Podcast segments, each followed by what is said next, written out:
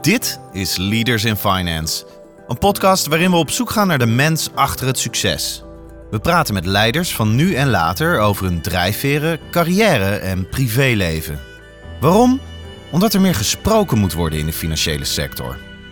Onze gast deze week is country manager bij wat hij zelf een mini-multinational noemt. We zitten als organisatie in 68 landen. Dus als je kijkt naar het aantal landen en het aantal medewerkers, ik geloof dat het officiële getal nu 4721 is, dan zijn we eigenlijk een soort mini-multinational. Want we zitten overal, maar het zijn ook geen honderdduizenden medewerkers. Ondanks die grootte zullen er veel mensen zijn die niet precies weten wat zijn bedrijf doet. En dat is typisch voor zijn branche. Daar zit ook wel een kleine persoonlijke frustratie. Wij zijn misschien wel een van de meest onbekende bepalers van de Nederlandse economie. Pak een beet 100 miljard aan kredietrisico wordt er door de sector in Nederland nu verzekerd per vandaag. Daar kan je toch wel een paar honderd miljard handel mee doen. En dat gaat allemaal door onze boeken, maar dat weten de meeste mensen niet. Maar ondanks al die grote bedragen blijft de kern voor onze gast heel simpel. En dan kan je tegelijkertijd heel hard werken, maar het moet wel leuk zijn. Onze gast deze week is Country Manager Nederland bij Cofas, Edwin Busio.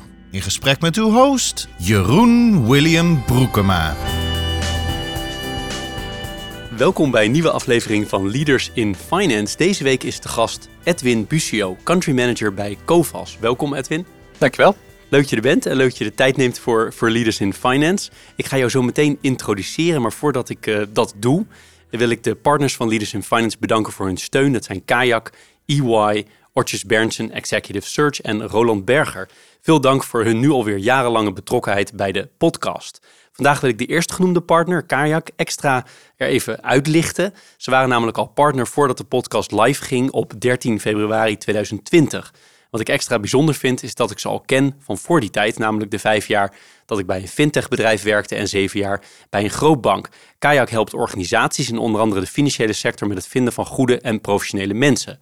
Ze doen dit door deze professionals te detacheren voor kortere of langere tijd. Hier zijn ze al meer dan tien jaar succesvol in. En nou ja, zou je met ze willen kennismaken, dan hoor ik het graag van je. Dan nu terug naar mijn gast. En traditiegetrouw doe ik dat door het spellen van de naam van de gast. Dat is Edwin, E-D-W-I-N. En Busio is B-U-S-I-O. De introductie het volgende. Na zijn Bachelor International Business aan de Hogeschool Utrecht en een Master Economie in Tilburg begon Edwin in 1997 bij Covas Nederland in de back-office sales, waarna hij verschillende functies bekleedde en uiteindelijk sales manager Northern Region voor Covas werd. Van 2004 tot 2007 was hij vervolgens manager New Business bij IFN Finance, waarna hij weer bij Covas terugkeerde als general manager Nederland Finance. Inmiddels is hij als country manager al ruim 11 jaar verantwoordelijk voor alle activiteiten van Covas in Nederland. En tot slot, Edwin is 50, heeft drie kinderen en woont in zowel Oosterhout als Zeist. Dat ter introductie, uh, Edwin. En zoals jij weet, want ik was zeer verheugd om in het voorgesprek te horen dat je al een aantal podcasts van Leaders in Finance hebt beluisterd. Maar begin ik heel graag met het neerzetten van COFAS uh, aan de hand van de stakeholders. Ik denk dat heel veel mensen in de financiële sector van de naam gehoord hebben, maar ik denk ook dat er heel veel mensen zijn die eigenlijk niet precies weten wat jullie allemaal doen en hoe groot jullie zijn. Want ik zag in de voorbereiding dat zijn toch wel hele serieuze getallen allemaal. Uh, dus zullen we, dat, zullen we dat doen, die stakeholder uh, benadering? Ja, heel graag. Met welke stakeholder zullen we starten? Met de collega's of met de klanten? Medewerkers. Medewerkers? Ja, vertel.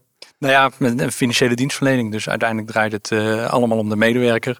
Dus dat zijn er in Nederland op ons kantoor in Breda een beetje rond de 110 beetje afhankelijk van of alle vacatures zijn opgevuld in deze, deze arbeidsmarkt. We zijn in 1964 in Nederland begonnen uh, in, in Breda. Daar zijn we ook altijd gebleven. Een tijdje een kantoor ook gehad in Amsterdam.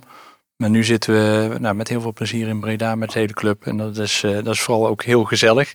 Zoals dat hoort bij een Brabants bedrijf. Uh, dus we proberen met, met die 110 man een nou ja, goede activiteit neer te zetten. Maar ook, ook vooral plezier te hebben. Leuk, leuk om te horen. En wereldwijd, hoeveel mensen werken er dan ongeveer? Ja, we zitten in, tussen de 4.500 en 5.000. Ik geloof dat het officiële getal nu 4.721 is, maar dat, dat varieert. Dat is wel specifiek. Ja, ik heb hem toevallig, toevallig gisteren voor een ander doel voorbij zien komen. We, we zitten als, als organisatie in 68 landen. Dus als je kijkt naar het aantal landen en het aantal medewerkers, zijn we eigenlijk een soort mini-multinational. Want we zitten overal, maar het zijn ook geen honderdduizenden medewerkers. Jij zal natuurlijk zeggen ja, maar hoe belangrijk is Nederland? Is Nederland belangrijk? We zijn uh, in, in die 68, als je het puur naar omzet meet, zijn we land nummer 6.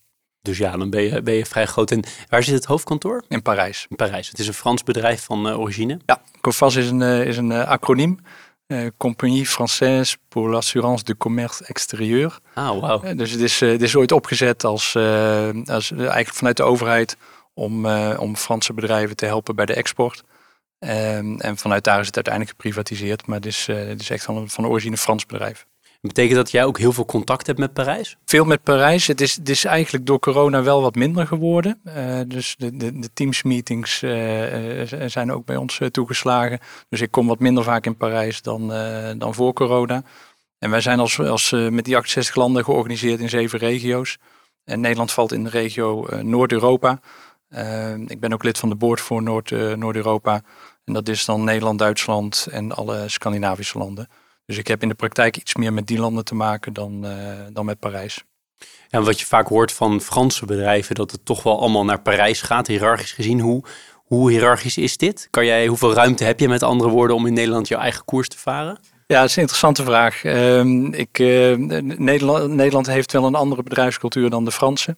Uh, ik probeer mijn collega's in Parijs altijd te duiden dat wat er in de krant staat over bijvoorbeeld Air France KLM, dat daar wel een kern van waarheid in zit. Ehm, dus, uh, dus ja, we, we, we, zijn in Nederland iets anders georganiseerd dan uh, traditioneel in Frankrijk. Uh, tegelijkertijd is dat ook de, de interessante dynamiek om met al die culturen wereldwijd te werken. En dus ook met de Fransen. Maar ja, wij, wij zouden het in Nederland soms iets anders organiseren dan, dan in de praktijk in Frankrijk. Er zijn ook bepaalde producten die bijvoorbeeld alleen in Nederland of in, in een paar landen gevoerd worden en andere landen weer niet? Ja, we, we, hebben, we hebben bepaalde producten die heel specifiek voor een bepaalde markt zijn. Uh, maar het klopt ook wel dat Parijs wel uh, nou ja, toezicht houdt op wat we, wat we in een land willen doen. Dus dat, dat klopt. Ja.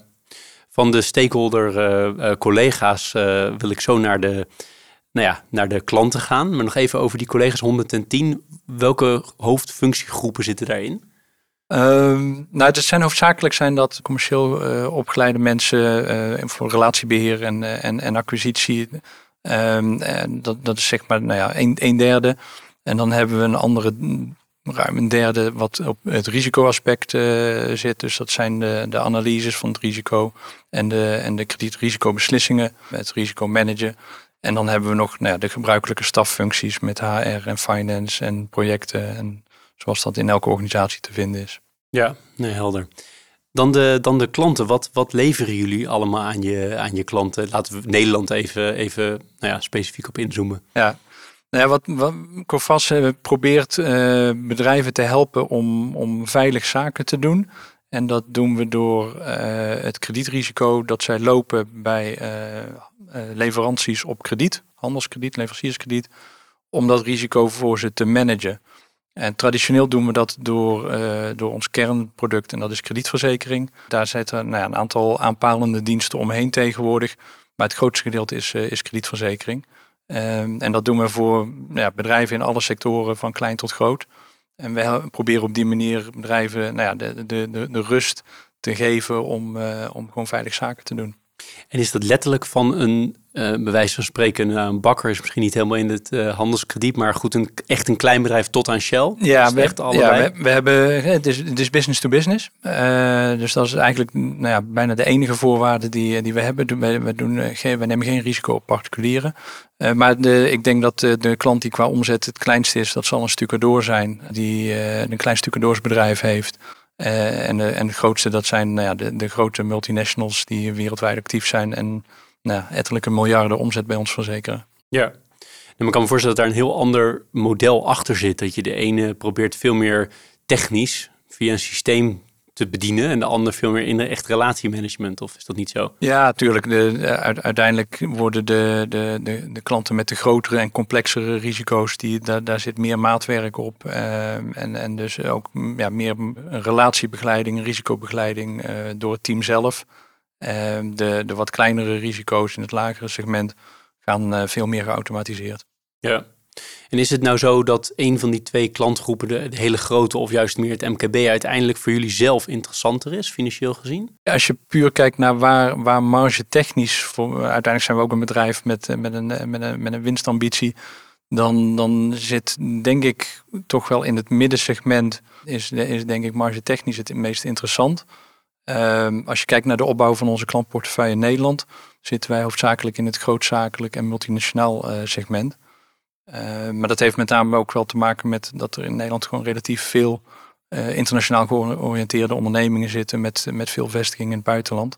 Ehm, en dat is een iets andere opbouw van de economie dan nou ja, onze collega's van Cofas Italië, die toch veel meer op, op, op MKB en, en domestic georiënteerd zijn. Ja. Wat je vaak hoort is dat de, de, de kredietverzekeraars niet altijd heel zichtbaar, maar heeft wel heel veel invloed. Uh, daarmee eens? En kan je, als je het ermee eens bent, kan je uitleggen hoe dat dan werkt? Ja, dat, daar ben ik het helemaal mee eens. Uh, daar, zit ook wel een kleine persoonlijke frustratie. Uh, ik, ik, wij, wij zijn ehm, denk ik misschien wel een van de meest onbekende uh, bepalers van de Nederlandse economie. En dat, dat is naar boven gekomen ook wel bij, bij, bij corona, aan het begin van de, van de crisis.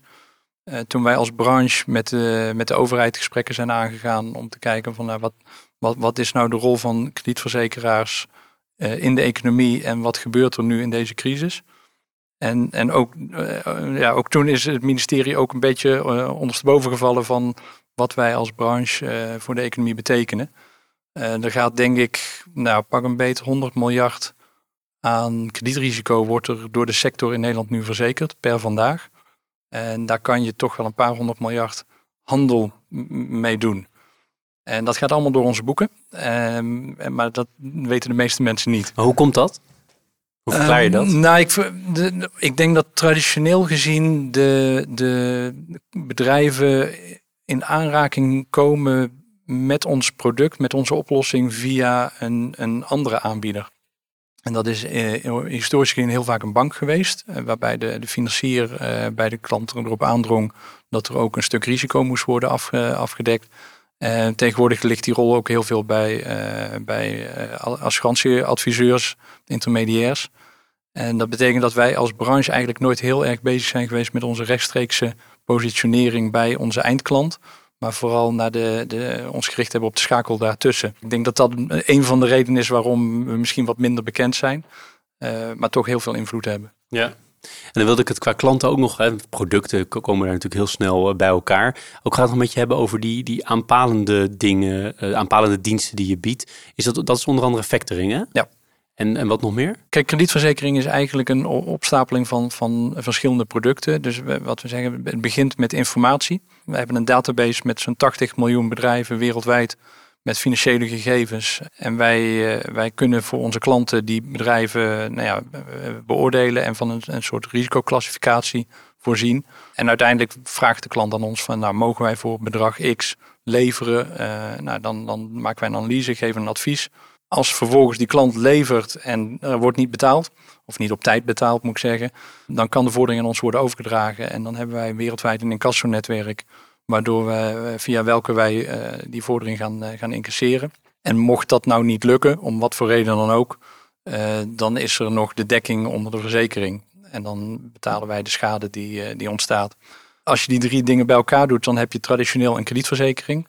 Alleen de afgelopen jaren hebben we ons ook ontwikkeld in de zin dat we die diensten ook los van elkaar kunnen aanbieden. Ehm, en wij proberen eigenlijk in de keten steeds breder te worden en te kijken van nou, alles wat met een, een, een vordering te maken heeft, alles wat met een debiteur te maken heeft, daar willen wij onze diensten op, uh, op richten. En dat, is, uh, dat wordt steeds breder. En dat gaat uiteindelijk ook naar de, de, de credit management software toe. Uh, en inderdaad ook een stukje financiering. Ja, ja, dat, dat kan me voorstellen. Want als je 80 miljoen bedrijven in een database hebt zitten, dan heb je dus A, een heel goed zicht op wat er gebeurt in de economie. Dus je kan waarschijnlijk ook heel voorspellend te werk gaan hoe die economie zich ontwikkelt. Want je ziet hoe bepaalde sectoren zich ontwikkelen. Maar waar ik eigenlijk naartoe wil, uh, wil is, je bent eigenlijk ook een van de grote rating agencies daarmee, of niet? Uh, nou, het woord rating agency is, is een beschermd uh, begrip. Uh, dat zijn we niet. Uh, wat maar je reed wel al die bedrijven. Wij, wij, wij geven een, een, een beoordeling en dat, dat is probability of default. Gewoon de kans dat een, een bedrijf in de komende twaalf maanden uh, niet in staat is om, uh, om te betalen. Um, en dat is in, in ons huis is dat een klassificatie van 0 tot 10 en die geven wij op al die 80 miljoen bedrijven. Uh, plus wij krijgen, dus, dus wij hebben heel veel informatie. Voor een deel is dat publieke informatie, maar voor een deel is dat ook informatie die we bij de, de debiteuren zelf opvragen. daar zit een stuk big data analyse achter. Er zitten nou allerlei e-, economische KPI's die daarin meespelen. Maar wat vooral interessant is, dat op het moment dat een willekeurig bedrijf in, nou ja, in, in Italië of in Chili zijn vorderingen niet op tijd betaalt, dan moet onze klant dat bij ons melden. En op die manier krijgen wij heel bij tijd signalen binnen als het ergens niet goed gaat. Uh, nou, dat kan een individuele bedrijf uh, in, zijn. Maar op een gegeven moment zie je inderdaad trends ontstaan over nou ja, een sector of een land. En dan kunnen we op basis daarvan voorspellingen gaan doen. Maar jullie verkopen niet de nou ja, wat ik ratings noem, of de PD's die mhm. jullie uh, vaststellen op de bedrijven, die verkopen jullie niet als, als afzonderlijk product? Jazeker, of ook wel? jazeker. Ja, ja, dus Ik, dat kan je ook gewoon inkopen. Oké, dat is natuurlijk ook een heel interessant product op zichzelf, wat voor allerlei andere producten weer relevant is. Er zijn heel veel bedrijven in Nederland die, eh, die uh, geen behoefte hebben aan verzekering, om, om welke reden dan ook. Maar dan nog hebben ze, nou ja, een van de grootste balansposten voor veel bedrijven is, is de, de, post debiteuren. Um, en en dat, moet je, dat risico zou je toch moeten managen. Nou, daar kan je bijvoorbeeld uh, gebruik van maken van informatie. En dan zet je een eigen team neer dat met die informatie uiteindelijk gewoon risicobeslissingen gaat nemen. Ja, en op deze manier heb je dus natuurlijk nog vele malen meer impact op de economie. Omdat als jullie kredietlimieten verlagen of intrekken, dan heeft zo'n bedrijf acuut een probleem. Terwijl die misschien niet eens een kredietverzekering heeft of wat dan ook. Ja. ja. Toch? Ja. Dat is de indirecte werking, noem ik het maar even, van, van wat jullie doen. Ja. Uh, ja interessant. Nou, ik, ik vind het zo boeiend dat ik snel aan het doorvragen ben. We waren bij de stakeholders. De stakeholder uh, toezicht. Hoe zijn jullie gereguleerd? Ja, wij, wij, wij vallen in Nederland onder zo, wat, wat, wat heet het, verlicht regime. Uh, wij zijn uh, juridisch gezien een branch office van de, de Société Anonyme in, uh, in Frankrijk. Dus wij vallen onder, onder Frans toezicht. Ehm, en, en, en alles wat daaruit volgt wordt ook vanuit het hoofdkantoor nou ja, uitgerold. Ehm, verzekeraars staan, staan onder toezicht, maar we zijn ook nog beursgenoteerd. En we hebben ja, de afgelopen twintig jaar een hele lange tijd ook nog een bank als grote aandeelhouder gehad.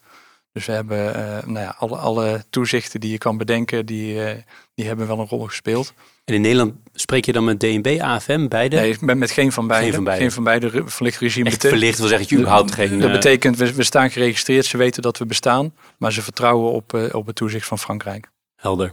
Dus jij hebt zelf in jouw rol, heb je daar eigenlijk niet mee van doen, behalve dat jij informatie moet aanleveren voor het toezicht in Parijs. Ja, en, en dat we dus de, de, de regels die, eh, die volgen uit, eh, uit het, Fran, het Franse equivalent daarvan, dat we die moeten uitrollen. Dus ook wij hebben onze KYC-procedures en onze sanctielijst en, en onze PEPS-controle. En nou ja, alles wat, waar de gemiddelde financiële instelling in Nederland uh, mee te maken heeft, hebben wij ook. Dan de stakeholder samenleving. Hoe, hoe kijk je daarnaar? Is dat, is dat een stakeholder die jij ook zo benoemt of is die te algemeen?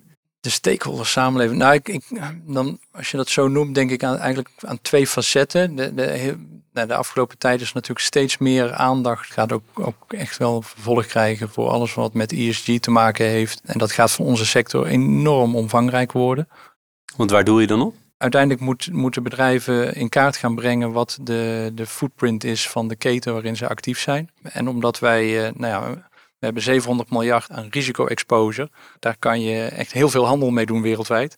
En wij zijn uiteindelijk zijn we betrokken bij de footprint van al die handel. Dus, eh, dus wij zullen dat voor onszelf in kaart moeten, moeten brengen.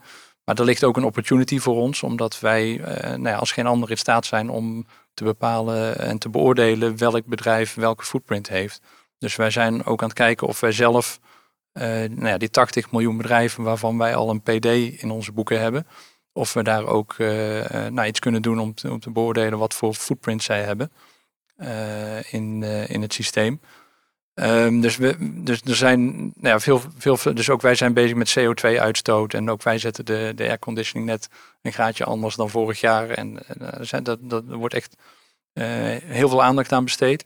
Maar gaat het straks ook zover, denk je, dat jullie bepaalde kredieten niet meer willen verzekeren, omdat die bedrijven te erg bijdragen aan het, uh, nou ja, en het aan klimaatverandering bijvoorbeeld, aan het verlies van biodiversiteit? Ja, nou dat, dat doen we nu al. Uh, we, we hebben een aantal sectoren waar wij niet actief in willen zijn. Uh, de, dus dus steenkool en bruinkool en, en dat soort zaken, dat, dat verzekeren wij niet.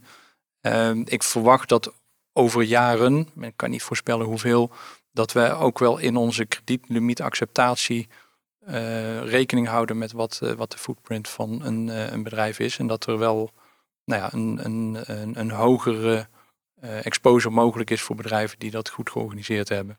Is nog een beetje toekomstmuziek, maar ik, voel, ik denk wel dat het die kant op gaat. de tweede component van samenleving is voor mij de. dat, dat, dat komt heel nauw bij. Nou ja, waarom is COFAS op aarde? In, in, onze, in onze mission statement staat dat wij dat, dat, dat wij geloven dat vrije, vrije handel en internationalisering en, en een globale economie, dat dat goed is voor de mensheid. Dus wij willen echt de, de handel stimuleren en geloven dat dat uiteindelijk gewoon goed is voor, uh, voor, uh, nou, voor alle mensen. Um, en dat, en dat, dat is niet altijd, dat is heel hoog over. En, en, maar soms komt dat heel dichtbij. Dus, en, dan, en dan kom ik toch weer terug op de COVID-periode op het moment dat er een crisis is van dusdanige omvang, dat je als verzekeraar moet denken van ja, wat gaat er morgen gebeuren en overmorgen? Kan ik deze risico's nog wel in stand houden? Uh, dan, dan is bedrijfseconomisch het antwoord nee, dat, dat is niet verantwoord. Maar dienen we daarmee de economie en, en het doel waarvoor we zijn? Ook niet. En dan kom je dus inderdaad uit bij van dat je in gesprek gaat met het ministerie van Financiën gaat kijken van goh, hoe kunnen we nou alle belangen oplijnen. En ervoor zorgen dat we gewoon de Nederlandse economie gewoon door deze crisis loodsen. En, dan, uh, en, dat, is, en dat is gelukt. Met, uh, met de sector hebben we een, een afspraak met het ministerie kunnen maken ter waarde van 12 miljard. En hebben op basis daarvan, in aanvulling op de NOW-regeling en al die andere regelingen, hebben wij gewoon bijgedragen aan het, nou ja, het, het door de crisis loodsen van de Nederlandse economie. En dat heb je gedaan als groep kredietverzekeraars, neem ik dat, Dat hebben we als sector gedaan, ja. En dat is een mooi brugje naar mijn laatste stakeholder. Uh, je hoeft voor mij absoluut geen namen te noemen, maar ik ben wel benieuwd naar wat zijn nou uiteindelijk jullie grote concurrenten? Zijn het bedrijven die hetzelfde doen als wat jullie doen? Of zijn het ook nog hele andere spelers? Nou ja, uiteindelijk is uh, nou, nog, nog geen 10% van, van de Nederlandse bedrijven heeft een kredietverzekering. Uh, dus als we puur naar, naar ons kernproduct kijken nou ja, dan is 90% uh, eh, heeft het niet. Uh, en de, dus is eigenlijk wat we. Is het laag trouwens ten opzichte van andere landen? Nou, we zitten weer redelijk gemiddeld. Ik denk dat Spanje, Italië zit wat hoger. Er zijn ook andere landen die een stukje lager zitten. Uh, maar dus, dus in, in, feite is het dat bedrijven dit zelf proberen te doen, is misschien onze grootste concurrentie. Traditioneel, wat ik zei over de historie van COFAS, traditioneel hebben bijna alle West-Europese landen nou ja, 50, 70, 100 jaar geleden een vergelijkbaar bedrijf opgezet vanuit de overheid. En die bedrijven zijn elkaar gaan overnemen en privatiseren. En uiteindelijk zijn daar drie, drie grote spelers overgebleven, waarvan Cofast er één is. Dus in de meeste landen zijn, zijn het nou ja, dezelfde drie die, eh, die de markt bepalen. We zien wel specifiek in Nederland ook wel de afgelopen jaren een aantal nieuwe toetreders. Die zich uh, nou ja, met, met niche-producten op bepaalde oplossingen richten. Maar in feite is, is nou ja, concurrent is, uh, eh, het gaat erom dat de klant een kredietrisico te managen heeft. Ja, dat, dat kan je doen met een verzekering, maar dat kan je ook doen met informatie. Dat kan je doen met, met een incasso-oplossing. Uh, daar zit een stuk softwarecomponent in, daar zit een stuk financieringscomponent in. Dus feitelijk is elke partij die bezig is op, op het speelveld van debiteuren, is, is in zekere zin een concurrent. Ja, dus je hebt eigenlijk heel veel concurrenten. Tegelijkertijd is de markt zo groot dat er ook heel veel te halen valt. Even, even plat, ja, plat geslagen. Ja, ja, verwoord. Ja, nee, heel eh, interessant. Ik ben ook nog wel benieuwd naar uh, dat je bij de in de verzekeringswereld zie je ook wel kleinere fintechs die proberen de zaak te disrupten. Zijn nog heel klein vaak. Zie je dat bij jou ook? Eh, in, niet, niet in de verzekering. Uh, er zijn wel wat initiatieven geweest vanuit de traditionele verzekeraars zelf, maar die hebben nog niet allemaal evenveel succes gehad. Um, om, om op grotere schaal dit risico te verzekeren heb je wel heel veel kapitaal nodig. Uh, en dat is voor een fintech niet. Uh, niet ook niet herverzekerbaar, want je ziet een aantal ook Nederlandse spelers, maar ook ik ken er eentje in Amerika vrij goed, die dat allemaal weer herverzekeren, die puur de front zijn, zeg maar. Ja, dat, theoretisch kan dat. Je ziet wel de fintechs bewegen zich wat meer op de softwarematige kant, op de, op de credit management kant, op de informatiekant, wat minder op de verzekeringskant. Helder. Dit is Leaders in Finance met Jeroen Broekema. Dan een, beetje een turn naar jou. Want je bent al lang bij Covas. Je hebt een uitstap gemaakt, hoorden we in de introductie. Maar je bent lang bij Covas. Hoe, hoe verklaar je dat? Nou, wat, wat is lang natuurlijk. Hè? Er zijn ook mensen die 30 jaar werken. Dus misschien is het helemaal niet lang. Nou, dat klopt. Ik ben, ik ben na mijn studie ben ik begonnen bij de rechtsvoorganger van, uh, van, van Covas. Uh, hebben we het over 1997. Ik, ik heb zelfs twee keer een uitstapje gemaakt. inderdaad, je, je, noemde het, uitstapje naar IFN Finance. factorbedrijf van, van ABN AMRO. Uh, en een paar jaar daarvoor ben ik nog een jaar met, uh, met de rugzak de, de wereld rond gegaan. Um, en toen was ook de weddenschap dat ik, uh, dat ik niet zou terugkomen. maar ja, nee, ja, ik, ben, ik ben in 97 begonnen bij, bij een organisatie die toen, nou even afgerond 2,5 miljoen euro omzet deed. terwijl de euro nog niet bestond. Um, en, en 10, 15 medewerkers had. En, en dat is in, in die tijd is dat gewoon gigantisch gegroeid. Uh, en het is gewoon heel leuk om, om onderdeel te zijn van die, van die groei. Uh, het is een heel uniek bedrijf, vind ik, uh, omdat we in, in Nederland een, een, ik noem het altijd een soort MKB-bedrijf zijn.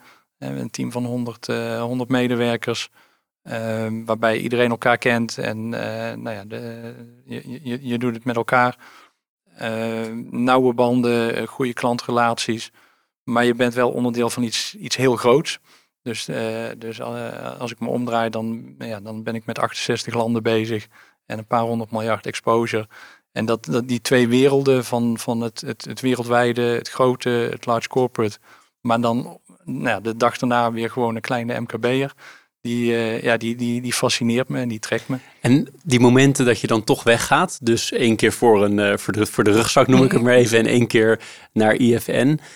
Wat, wat triggerde je om dat te gaan doen, die twee momenten? Kan je die uh, terughalen? In je... Ja, die, die, die eerste was vooral pri privé uh, uh, gerelateerd.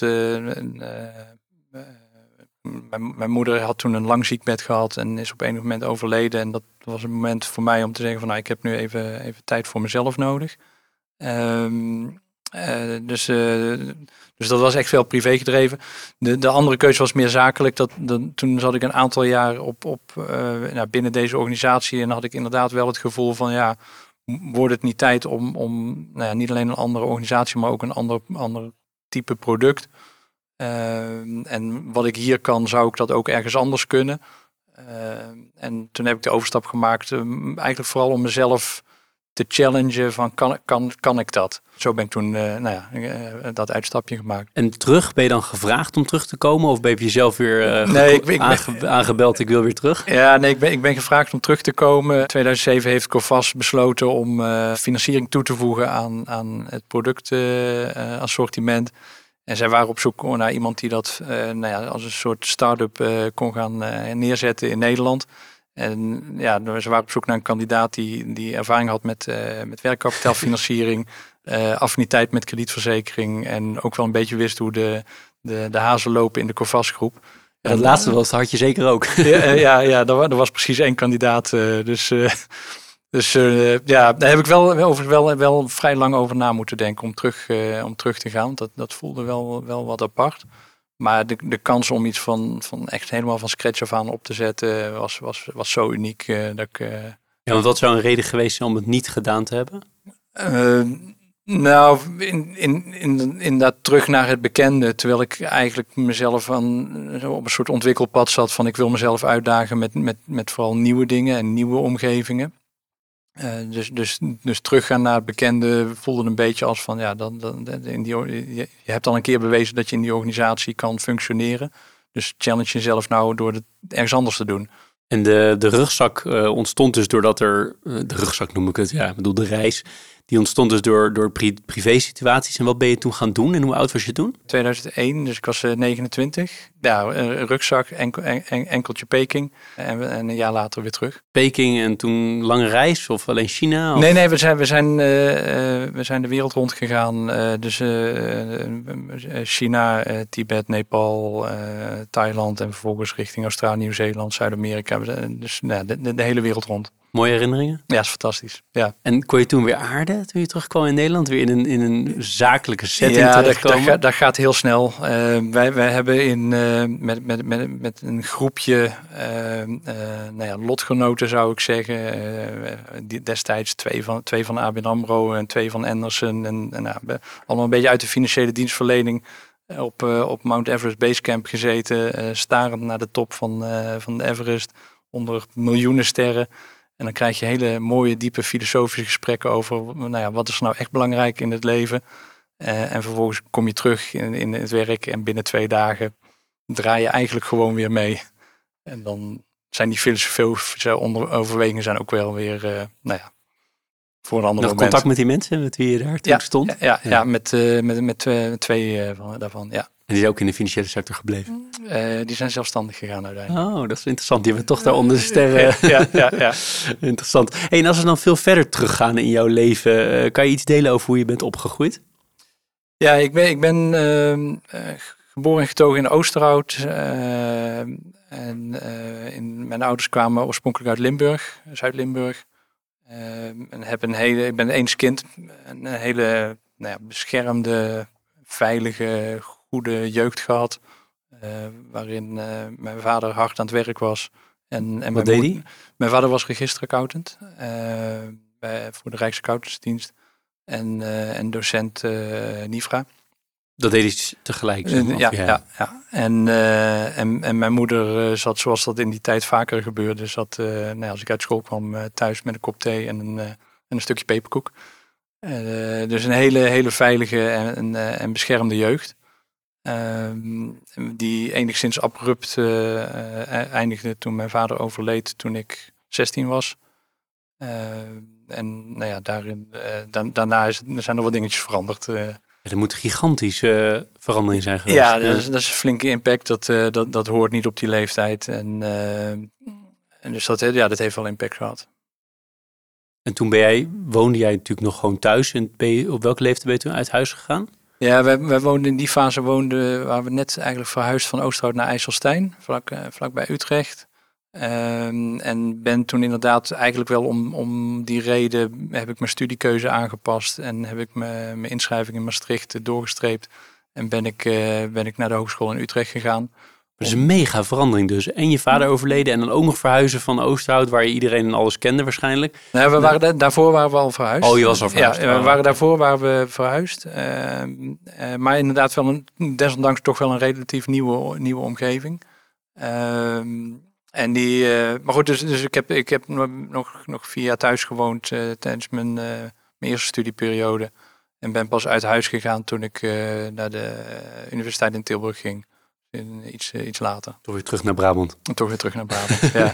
En heeft dat, heeft dat jou, al alles wat er toen gebeurde rond dat 16e jaar, heeft het jou heel snel volwassen gemaakt? Of heeft het jou op die manier niet zo beïnvloed? Ja, ja op, van de ene dag op de andere. Ja, Ja? ja, ja, ja, ja, ik, zeker omdat uh, enig kind. ehm, eh, ik, dus ik heb eh, de, ja, alles kwam op mijn schouders vanaf dat moment. Eh, dus dat, eh, ja, dat heeft wel een flinke invloed gehad. Ja. En ook wat je vaak hoort, maar ik weet niet of het waar is in jouw geval, maar dat je daardoor ook eh, heel veel verantwoordelijkheidsgevoel en besef hebt gekregen meteen? Of? Ja, ja, ja. Dat klopt. Ja, je, Het stereotype klopt. Je, je lijkt mijn coach wel. Oh, coach, dat wil ik niet zijn, maar... nee, maar dat, dat kan, me, kan me zo voorstellen. Want op dat moment ben jij dan opeens de, ja, degene die ook een deel daar eh, de verantwoordelijkheid neemt waarschijnlijk in het gezin. Dus, Ja, eh, nee, klopt. ja. En nog andere dingen die jouw jeugd hebben getypeerd? Dit is natuurlijk een hele cruciale. Nog andere dingen? Nee, ik, nou, ik, ik, ondanks dat er nou ja, een paar dingen gebeurd zijn die, die ik niemand gun in zijn jeugd, heb ik, eh, kijk ik wel met een heel goed gevoel terug op mijn, eh, op, op mijn jeugd. met uh, buiten spelen met vriendjes. En, en nee, ik, ik, ik, heb, ik heb wel een goed gevoel over mijn jeugd. En gewoon lekker gesport. En op, op school ging het lekker. Dus ik, nee, het is gewoon prima jeugd. Ja, leuk. En je bent toen, uh, toen ben je inderdaad uit huis gegaan ook nog in, naar, naar Tilburg gaan studeren. Was je dan vooral een harde, hardwerkende student? Of was jij uh, iemand die deed het in de kroeg zat? Of hoe, nee, ik, ik, wat voor soort Edwin zagen we daar? Ik, ik, ik, heb met, met, met terugwerkende kracht misschien wel een beetje spijt van mijn studententijd. Want dat, dat was vooral heel, heel hard studeren. En, en ik heb daar wel wat gemist. En je, je, je, zeg maar, je visie op loopbaan? Was je heel, toen al heel erg gedreven van ik wil carrière gaan maken? Of hoe, keek je ernaar? En hoe kwam je ook bij je eerste baan terecht? Ehm, ja, ik was niet met. Nee, ik was niet met carrière bezig. Ik was wel heel erg bezig met. Maar dat is eigenlijk wel gekomen op de. Op, vanwege ook wel het overlijden van mijn vader. Dat ik, dat ik wel zei van nou, ik, ik ga bewijzen wat ik kan. Ehm, maar dat plaatste ik niet in perspectief van een loopbaan eh, per se. Ehm, maar ik heb toen, ik heb tijdens mijn, uh, tijdens mijn, mijn HBO-periode heb ik stage gelopen bij ABN AMRO in Londen. En, en, dat vond ik een hele fascinerende tijd. En, en eigenlijk ben ik wel met het idee doorgegaan, uiteindelijk eh, Universiteit Tilburg. Het idee van, nou, dan ga ik, daarna ga ik bij, bij de bank ga ik, ga ik aan de slag. Want nou die tijd in Londen was echt super. Ehm, en toen, toen was ik helemaal afgestudeerd en toen kreeg ik twee, uh, twee aanbiedingen. Eén was daadwerkelijk van ABN AMRO en de ander was van een heel, heel piepklein uh, verzekeringsbedrijfje dat toevallig in Breda zat waar ik, waar ik toen woonde. Um, en ik, op een of andere manier heb ik mijn hart gevolgd door toch voor dat kleine onbekende te gaan. Ja, waar zat hem dat in dan? Want je, je, had in Londen dat groot beeld van ja. ABN AMRO was fantastisch. Ja. En toch deed je het niet. Ja. Was het dan de afstand? Naar, moest je naar Amsterdam nee, nee, daarvoor? Nee, het, nee, het was ook eh, ABN AMRO Breda. Oh, dus, uh, dus nee, het was, het was niet de afstand. Maar uh, ja, ik, ik heb me diezelfde die vraag ook wel, wel, wel eens gesteld. Van, ja, waar, waarom heb ik nou eigenlijk niet gekozen wat eigenlijk op mijn pad lag? Ik ik denk dat ik vooral aan werd getrokken door, het, door het, het, kleine en het gevoel dat ik daar heel veel vrijheid zou krijgen om, om nou, dingen op te pakken en te doen en, en, en te ontwikkelen. Waarbij ABN misschien iets meer een, een nou ja, vast ontlijnd kader heeft en een pad waarbij je een van de, nou ja, heel veel bent. Uh, dus ik, ja, ik, Zoiets. En later kwam je via je vende nog terug, toch? Ja, dus ja, het is toch nog gebeurd Uiteindelijk is het is wel nog gelukt, ja. Hey, en wat ik interessant vind, hè, uh, je zei Londen was helemaal geweldig. Je zei het volgens mij zelfs twee keer. Wat maakte dat zo'n mooie tijd? Nou, dit, dit, dit, dit is misschien ook wel omdat daarvoor zat ik uh, voor een stage in Duitsland. En, en dat was een heel klein boerendorpje. En dan is, uh, als je de, de, kans krijgt om een jaar later in de, in de, in de wereldstad Londen uh, te wonen, echt uh, nou ja, hartje centrum, dan, dan is dat alleen al fantastisch. maar ja, het, het, gevoel dat je als je met de underground op Liverpool Street naar buiten loopt met nog honderdduizend andere mensen die in de, in de financiële sector of in de, of in de advocatuur werken, dat, dan, dan, dan krijg je als kleine, kleine jongen toch het gevoel dat je, dat je er ineens bij hoort. Uh, bij, uh, bij de, uh, ja, de grote wereld die je nou ja, kent van tv. En, dus het, het, het, het, gevoel van ergens bij horen. En, en Londen is gewoon een fantastische stad. En er is zoveel te bieden aan, aan entertainment en, en musea. En het is gewoon een super tijd. Ja. En wat maakt het nou, denk je zelf, dat je toch steeds stappen maakte en uiteindelijk dan ook de, de CEO voor Nederland werd? Nou, ik ben, ik ben, ik ben van, nature altijd wel een generalist geweest. Uh, dat, uh, vanaf eigenlijk op, op school al wel dat ik niet ergens in uitblink, maar wel op heel veel aspecten goed mee kan. Uh, en dat, dat, dat, ik ben van origine ben ik uh, zakelijk gezien altijd in een commerciële rol geweest. Maar wel vanuit inhoud, dus meedenken met risk. en toch ook wel interesse voor de juridische aspecten. En toch ook wel En uiteindelijk ja, kom, ben je zo breed geworden dat, dat eigenlijk de, nou ja, de, de algemeen directeurfunctie wat, misschien wat meer voor de hand ligt dan, uh, dan een andere. Maar was het ook jouw aspiratie? Ja, op termijn, ja, ja dat ja, wel. Had je het al vanaf het begin? Ja, nou wat ik zei, ik, ik had niet een loopbaan in mijn hoofd van nou ik wil daar, uh, daar eindigen qua uh, van het moet zo groot of het moet in deze sector of bij dat bedrijf. Maar ik wist wel dat ik algemeen directeur wilde worden. Ja. Nou, dat is gelukt. Ja. ja. Heb je nog meer van die beelden voor de toekomst ook, of niet? Nee, vrij weinig. Het zou interessant zijn namelijk. maar, uh, maar goed.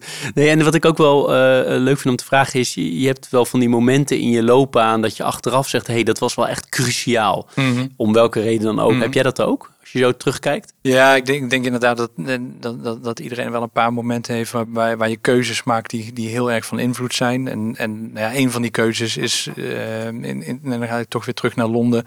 De, uh, ik kreeg daar tijdens mijn stage ook daar een baan aangeboden. Maar dat was ook nog het tijdstip dat de laatste lichting militaire dienst uh, er was. Ehm, dus als ik die baan zou accepteren, zou ik het risico lopen om eh, opgeroepen te worden. Terwijl als ik zou doorstuderen, dan, uh, nou ja, dan, dan, dan hoefde ik niet in dienst.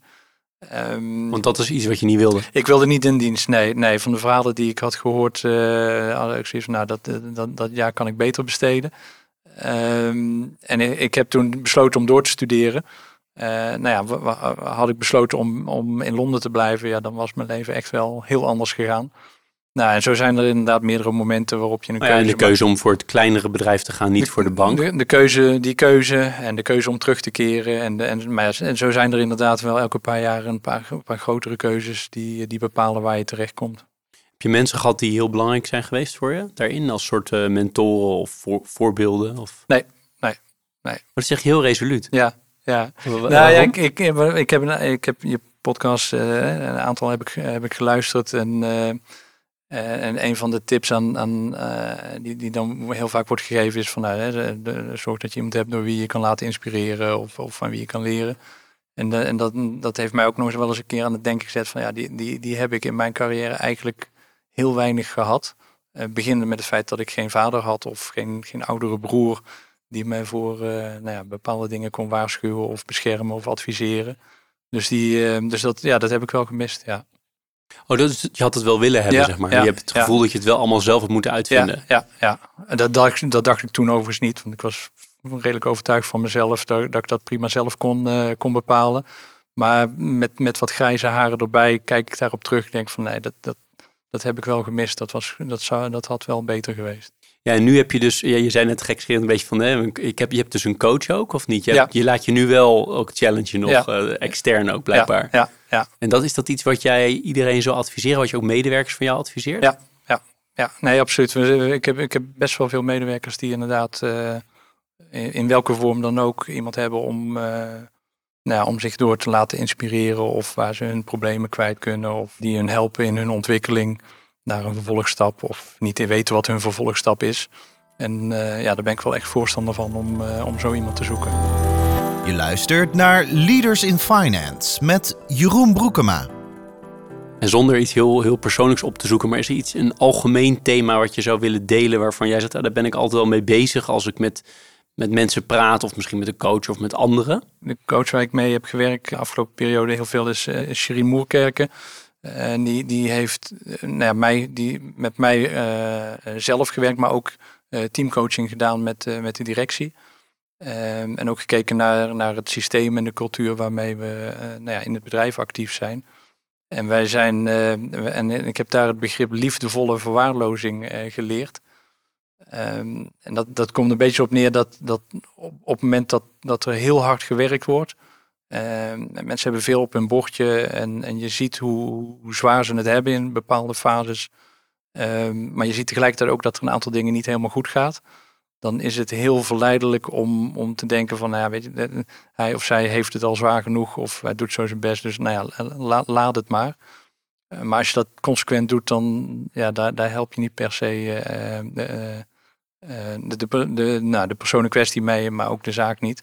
En dat, uh, dat, dat hebben we gelabeld uh, liefdevolle verwaarlozing. Dus het, het, het, komt vanuit een goed hart, maar uh, je schiet er niet heel veel mee op. Um, dat betekent dat je dus wel die aandacht geeft, maar ook kritisch blijft. Begrijp ja, dat goed? Ja, dus dat betekent dat we, dat we inderdaad, dus je, je moet wel feedback blijven geven en, en met elkaar in gesprek gaan over van, van hoe kan het anders of hoe kan het beter. Uh, op, op de juiste manier. Maar om, om feedback weg te houden ter bescherming van de medewerker, dat, uh, of de collega of van jezelf, ja, dat, uh, dat, dat, dat, dat, is niet productief. Ja, mooi. Leuk dat je het deelt, want ik kan me, ik kan me helemaal voorstellen dat dit heel vaak voorkomt. Uit, uit goede bedoelingen, ja. maar ja, uiteindelijk contraproductief is. Ja, ja, ja. Heb jij, want je haalt het aan, dan, dan ga ik die meteen even nu, nu doen, omdat ik die bij elke gast uh, doe namelijk. Heb je bepaalde tips voor, voor starters op de, op de arbeidsmarkt uh, in de financiële sector of daarbuiten of überhaupt, of aan jezelf destijds? Nou ja, de, de tip is dus zoek, zoek iemand uh, van, van wie je kan leren. Precies. nee, ik, de, ik denk wel dat de... Ehm, nou, sowieso zorg dat je, dat, dat, dat je iemand hebt met wie je het gesprek kan voeren. Uh, welk gesprek dan ook. Dus of het nou over privézaken gaat of, of zakelijk. De keuzes die je moet maken. of, of de relatie waar je in zit. Maar zorg dat je één of meerdere hebt waar, waar je echt op, op de inhoud mee kan praten. Werktechnisch kijk vooral naar een, naar een omgeving waarin je jezelf kan ontwikkelen. Maar ook wel mensen om je heen hebt van wie je iets te leren hebt. Ehm, en dat. Maar sta daar dan ook voor open. Misschien is dat. hoe doe je dat, laatste? Nou ja, en dan, dan, nou ja, ik heb wat grijze haren, dus, dus dan begin ik een beetje de oude, de oude man te lijken. Maar het, het, het lijkt erop alsof de jongere generatie wat ongeduldig is. En, en, en, en dat ik wel die idee heb van, nou jongen, rustig aan, eh, kijk om je heen. Uh, nou, zeker in ons vak, als je nog geen echte crisis hebt meegemaakt, dan, dan, dan ken je het vak ook nog niet. Dus, dus je moet echt wel door zo'n cyclus heen van goede en slechte tijden voordat je ons vak echt goed in de vingers hebt. Dus, dus wees geduldig en stel je open voor de mensen die een aantal uh, dingen al, uh, al, al, een paar keer hebben meegemaakt. Um, tegelijkertijd is dat ook iets wat volgens mij elke generatie zegt over de generatie ja, dat vind ik ook interessant om te weten. Waar wij niet net zo ongeduldig? Ja, nee, en, en voor, ik heb ooit heeft iemand zelfs gezegd dat ook Socrates dat al een keer heeft opgeschreven in, in min of meer vergelijkbare vorm. Dus dit is gewoon hoe, hoe, nou ja, hoe het gaat. Maar toch, eh, uiteindelijk zeg je van zorg dat je dus uh, mensen, of in ieder geval één of meerdere hebt waar je ook veel van uh, kan leren, die je kunnen challengen. En ik ben ook wel benieuwd naar hoe, hoe, zorg je er nou voor dat je die mensen om je heen krijgt? Hè? Want je, ja, je zit in een organisatie, moet je die dan buiten de organisatie zoeken of juist binnen de organisatie? Uh, nou ja, uiteindelijk, als, als ze binnen de organisatie niet zijn, dan zal je buiten de organisatie moeten zoeken. Of op een moment besluiten om dan dus een andere organisatie op te zoeken. Helder. Als het gaat om uh, uh, werken en hard werken, ben je iemand die veel uren maakt voor zijn werk? Uh, minder dan voorheen. Ik, ik, ik, ik heb wel nou, tot een heel lang, groot deel van mijn carrière wel heel veel uren gemaakt. Ja. Waar komt het uit voort? Um, want dat zegt overigens alle 135 CEO's die hier geweest zijn. Allemaal hebben ze met name in de eerste fase van hun loopbaan uh, ja, toch wel extreem. Of in ieder geval, het alles is relatief natuurlijk. Hè, als je uh, kijkt, maar hoe, hoe, hoe, kijk jij daarnaar?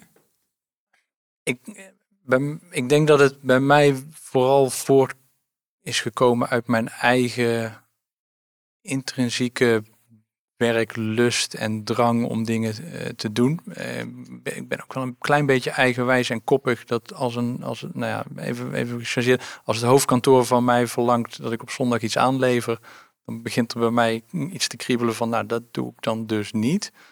Uh, terwijl ik op zondag wel ga werken. Dus het, het, komt heel erg vanuit mezelf en het moet vooral niet vanuit externe, externe druk komen. Um, je hebt een enorme intrinsieke motivatie. Ja, ik heb een hele hoge intrinsieke motivatie. En, en ik op een of andere manier vind ik het ook wel fijn om, om gewoon heel veel werk te verzetten. Um, maar tegelijkertijd uh, heb ik ook geleerd dat dat een, ja, een prijskaartje heeft. Uh, en, en op een moment ga je toch een aantal andere keuzes maken. Een prijskaartje te met name in tijd die je met, nou ja, met je gezin en dergelijke kan doorbrengen. Neem, ja. neem aan dat je daarop doet. Ja, ja, nee, absoluut. Ja. Ja. En, en misschien ook nog wel, ook, ook wel ten koste van jezelf. Uh, je zei in de introductie, ik drie kinderen. Uh, nou, daar, daar heb ik niet alles voor kunnen doen, misschien wat ik had willen of, of, of, moeten doen.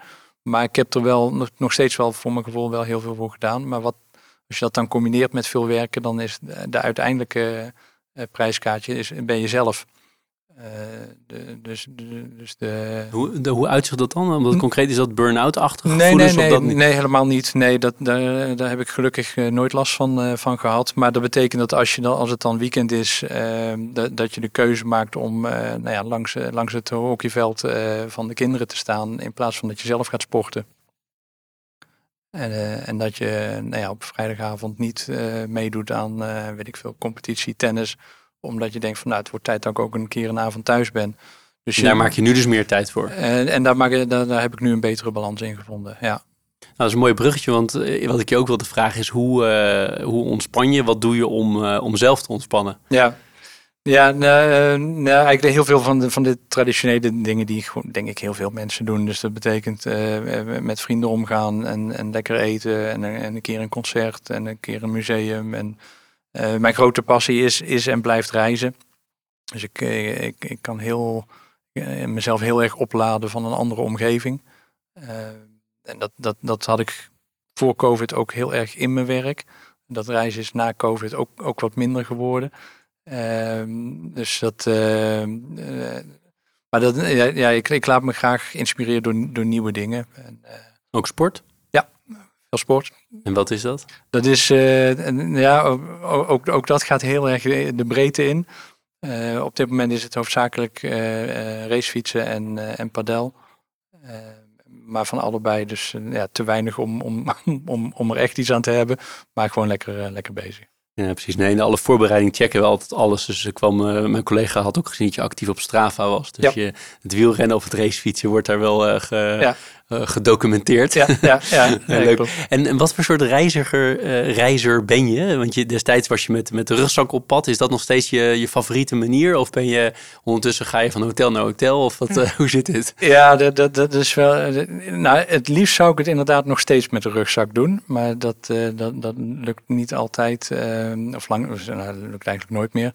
Uh, maar ik, uh, in, in de regel heb ik nu tegenwoordig, als ik op reis ga, dan is het gewoon een vakantie in, in Europa. En dan, en dan uh, zoeken we een plek uit waar we, waar we lekker kunnen blijven.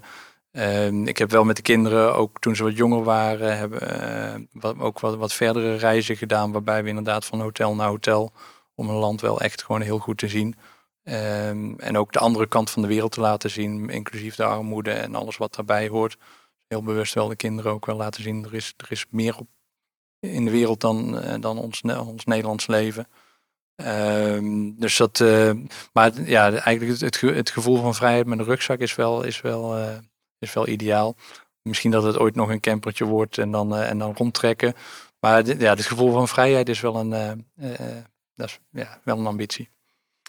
Zo tegen de nou, richting het einde toewerkende van deze podcastopname hebben we altijd een, een pleaser en een, eh, een teaser.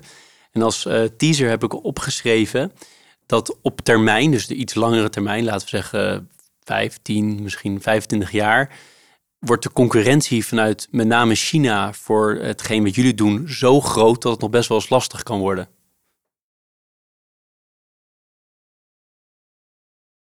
Ben je het daarmee eens? En eh, om je een beetje denktijd te geven, wat erachter zit, is met name de gedachte dat die markten zo groot zijn. Als je even India, China, als je die twee landen samenpakt. Ik zeg China, maar misschien India en mhm. China moet zeggen. Dat is zo gigantisch. En omdat toch de, de economie zo aan het pivoten is naar die kant van de wereld. Ja, het, het, het kan. Het kan. Ik ben niet per se nou ja, bang sowieso niet. Maar ik denk, ik denk niet dat er heel veel partijen heel erg geïnteresseerd zijn om in ons vak iets heel groots op te bouwen. Je hebt een wereldwijd netwerk nodig, er zit een enorme investering aan. Terwijl op wereldschaal gezien is het eigenlijk nog best wel een relatief kleine markt. Een aantal jaar geleden werd er ook gezegd van ja, ben je niet bang dat nou ja, de, de Googles en de Facebooks en de Amazons uh, met hun techniek de, jullie de markt uitdrukken. Maar hoezo een mm. kleine markt? Want debiteur is toch de grootste markt die er is? ja, alleen als je uiteindelijk kijkt naar wat de opbrengsten van de verzekeringsmarkt is op, in ons vakgebied. En je zet dat af tegen de wereld waarin nou ja, de, de Alibaba's en de Amazons uh, actief zijn dan is dat eigenlijk op ja, een druppel op de grote schaal. Dus wij, wij, wij, doen, wij, wij maken heel veel handel mogelijk, maar onze eigen handel is, is op wereldschaal gezien uh, relatief beperkt. En denk ik dat ze andere branches en, en activiteiten eerder uitzoeken voor hun technologie. Het is wel zo dat de economie gaat zich gaat verschuiven. En, de, en, en, India en China uh, zijn absoluut. Zitten jullie daar in die twee landen? Ja, ja, ja we zitten in die landen en dat zijn dus voor ons ook de, de groeimarkten. Uh, enkele van de groeimarkten. Traditioneel gezien is, is, is nou ja, het, het concept van kredietverzekering een heel erg Europees concept. Dus de penetratie in, in die landen, maar ook in de VS en in de Arabische landen, is echt een heel stuk lager dan hier in, eh, in Europa. Er zit ook wel een culturele uh, component zit daarin. Maar het, het kan heel goed zijn dat een, een willekeurige verzekeraar of financiële instelling vanuit China of India op enig moment in onze branche actief wordt. Ja, dat kan. Ja. Aan de pleasende kant heb je een bepaald boek wat jou erg aanspreekt, wat je wilt delen hier? Ja, ook, ook, ook die vraag herken ik vanuit je, de, de podcast die ik heb mogen luisteren. Dus ik heb, ik heb ter voorbereiding heb ik, uh, gekeken van, goh, wat heb ik nou afgelopen jaren uh, gelezen? Uh, en ben erachter gekomen dat ik een vrij slordige lezer ben. Want ik lees heel veel door elkaar. Ik lees ook lang niet alles uit. En ik ben en, en ik, ik haal heel veel inspiratie eruit, maar die gebruik ik altijd in de week daarna. Uh, bij mij op kantoor weten ze ook dat ik, nou als ik voor de groep sta, geregeld dat ik een, een boek aanhaal of een, of een podcast of, of iets wat ik op YouTube heb gezien. Maar dat, dat is dan ook na één of twee weken weer, weer nou vervangen door de volgende. Uh, dus, uh, dus ik heb, uh, ja, ik heb wel, ik heb echt heel veel boeken waar ik, waar ik met, met heel veel belangstelling heb gelezen. Maar degene die ik dan vandaag dan toch eruit wil lichten is, is De Fontein van, van, van Els van Stijn. Ehm, met name ook omdat die, die, dat, dat past wel een beetje ook in de thematiek van waar we het de afgelopen, afgelopen uur over hebben gehad. Ja, kan je iets meer over vertellen over het boek? Het is een beetje een, misschien een, ja, wat ander boek dan regulier hier aan tafel wordt genoemd. Het zit, uh, de, wat, wat, wat, wat, wat zij heeft gedaan, ze heeft een boek geschreven waarin ze de, een, een fontein, eh, letterlijk een fontein als metafoor gebruikt voor familiesystemen. Uh, waarbij dan moet je even visualiseren, je hebt een, een, een bak helemaal bovenin en daaronder een bak en daaronder een bak en daaronder een bak. En het water stroomt van boven naar beneden. En, en de metafoor is dat dan in, nou ja, in de bovenste bak zit grootouders of nog een generatie daarvoor. De bak eronder zitten, uh, zitten je ouders. In de bak uh, daaronder zit, zit, je zelf met eventuele broers en zussen. En de bak eronder je kinderen. En, uh, dus dat is, dat is, een familieopstelling. Ehm, en, en zij beschrijft wat, wat, dat, dat, dat wat er in je familiesysteem is gebeurd, zeker in je jeugd, heel erg bepalend is voor wie je bent en hoe je handelt. Maar ook hoe zich dat vertaalt naar het bedrijfsleven in je eigen organisatie. Um, en, en dat heeft dan met name te maken, dus in mijn, mijn geval, we hebben het gehad over het overlijden van mijn, van, mijn, van mijn ouders. Dus toen mijn vader overleed, nam ik eigenlijk de rol van mijn vader over en, en ging ik voor mijn moeder zorgen. Ging een bak. En dat, dat noemt dan inderdaad, Els van Stijn noemt dat het opstijgen van bak. En dat, dat heeft gevolgen voor nou ja, je verantwoordelijkheidsgevoel en, en hoe je. En, dat, dat, en dan op een moment kan je zien dat ook in je werkleven dat soort eigenschappen terugkomen, maar ook de mindere kanten daarvan. En het, hetzelfde geldt voor als je een mening hebt over je ouders van vroeger, of ze in de op, opvoeding iets wel of niet goed hebben gedaan. Nou, dat, dat gevoel neem je mee, en dat, maar dat neem je ook mee naar je rol als, als, uh, als, als manager in je organisatie. En zo zijn er een aantal voorbeelden waar, die, die gerelateerd zijn aan, de, uh, aan, aan, je jeugd, aan, aan, aan je familie. Uh, en dat, dat, nou ja, dat heeft effect op hoe je uh, privé bent, maar dat heeft ook effect op, ja, op, op jezelf als, in, de, in de organisatie. Dit klinkt niet als een boek wat weinig indruk op je gemaakt heeft, of wat je na een week weer kwijt bent. Nee, nee deze, heeft, deze heeft wel wat kwartjes doen laten vallen, ja. Heb je hem ook aan mensen gegeven of geadviseerd? En krijg je het zelf terug het leuk vinden? Of? Nou, leuk is denk ik... Het, leuk is niet het goede woord, interessant, niet, leerzaam. Ja, ja, interessant, leerzaam, uh, geeft inzicht. Uh, ja, nee, die, ik geef inderdaad regelmatig boeken, boeken weg ter inspiratie. soms krijg ik ze ook terug, ook, ook van medewerkers. Die, die, die dan zeggen van, goh, ik, ik, ik heb een, een, een, boek voor je wat je misschien wel leuk vindt. Dus ik, ja, ik probeer dat wel te stimuleren, ja. Tot slot naar de toekomst kijkende. Even Deo Volente, alles gaat goed met je.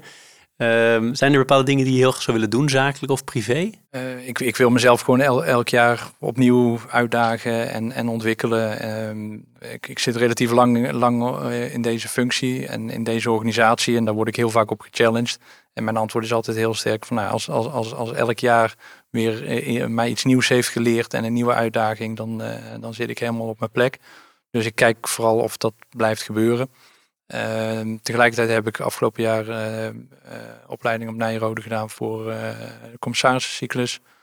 Um, dus ik wil op enig moment wil ik ook wel nou ja, de, de, de 25, 30 jaar ervaring in nou ja, niet alleen het managen van, van mijn organisatie, maar ook het kijken naar, naar de, de, de continuïteit en, en, en, de, financiering en en de plannen van heel veel andere organisaties. Want wij kijken naar nou ja, niet alleen naar onze klanten, maar ook de klanten van hun klanten. Um, om, om die kennis en ervaring mee te nemen in de advisering naar nou ja, andere bedrijven, andere instellingen. En uiteindelijk met name vooral uh, jongere ondernemers die, nou, die, die veel goede ideeën hebben, maar misschien nog af en toe iemand nodig hebben die, die met, met 30 jaar ervaring heel even een beetje, een beetje bijstuurt. Dan zou je jezelf ook nog even niet nu, maar op termijn, als je wordt voor gevraagd voor een veel grotere organisatie, zou je dat ook nog interessant vinden?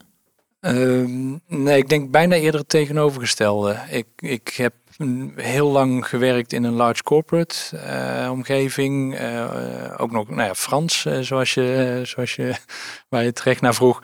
ik, ik ben wel heel erg geïnteresseerd in, in meer een, een familiebedrijf of een, of een wat, wat, wat kleinere omgeving. Dus ik denk dat, daar meer, nou, dat ik daar meer uitdaging uithaal dan om weer in, weer in een large corporate te, te gaan. Um, en terwijl ik dat zeg, denk ik van ja, maar als ik nou ergens heb bewezen dat ik goed in kan functioneren, is het in een large corporate met al die facetten. Uh, oh ja, in zekere zin, je werkt in een large corporate, zoals je zelf heel mooi zei. Achter me zit die large corporate, maar in de praktijk van alle dag hier run ik gewoon een team waar ik iedereen ken. Ja, ja. Dus op zich, die combinatie heb je natuurlijk wel vaker. Ja, ja, ja. Interessant. Nou, moeten we nog eens, uh, nog eens over verder praten. Um, ik wilde eigenlijk een, uh, gaan afronden en alleen jou nog de kans geven, of de kans, maar de, de vraag stellen. Van, we hebben heel veel uh, onderwerpen behandeld, van heel erg privé tot heel zakelijk en allerlei dingen daartussenin. Maar is er nog iets waarvan jij zegt, hey, ehm, Jeroen, dat zou ik nog wel leuk vinden om hier op tafel te gooien en om te delen? Nou, misschien wel. Ik heb eh, afgelopen, afgelopen kwartaal uh, zijn, zijn drie uh, ex-collega's uh, komen te overlijden. Bij elkaar opgeteld misschien 70, 75 jaar nou ja, bij, bij onze, onze club geweest. alle drie op de jonge leeftijd, variant van 53 tot 68. Um, ehm, en ik, ik denk dat veel luisteraars dat ook wel zullen herkennen. Dat als je zo'n periode even hebt, dat er één of twee of misschien meer mensen ontvallen, dat je weer een keer denkt van ja, waar gaat het nou eigenlijk om? Um, en dan krijg je allerlei clichés van pluk de dag. En, maar ik, geloof er wel echt in. Laten we gewoon uh, nou ja, plezier hebben en, en leuke dingen doen. En, uh, en dan kan je tegelijkertijd heel hard werken, maar het moet wel leuk zijn. Mooi, mooi einde. Nou ja, laat ik het een beetje egoïstisch, maar ik heb in ieder geval een, uur lang, want we hebben precies een uur opgenomen, uh, veel plezier gehad aan dit gesprek. Ik hoop dat dat voor jou natuurlijk ook geldt. Uh, veel belangrijker dan dat ik het naar mijn zin heb gehad. Maar ik vond het in ieder geval heel erg, uh, heel erg leuk. vooral omdat je je echt heel open wil opstellen. En dat is precies waar deze podcast voor bedoeld is. Dus Edwin, heel veel uh, dank. Ik wijs er nu naar. Ik kom zo een, een cadeautje uh, jouw kant op om je extra te bedanken voor de tijd en de openheid die je hebt gegeven voor dit, uh, dit interview voor Leaders in Finance. Dankjewel. Heel graag gedaan. Dankjewel. Dit was Leaders in Finance. We hopen dat je deze aflevering met veel plezier hebt beluisterd. We stellen je feedback erg op prijs. Wat houdt je bezig en over wie wil je meer horen? Laat het weten in een Apple of Google review. Dat kan ook via de sociale mediakanalen of direct via een e-mail.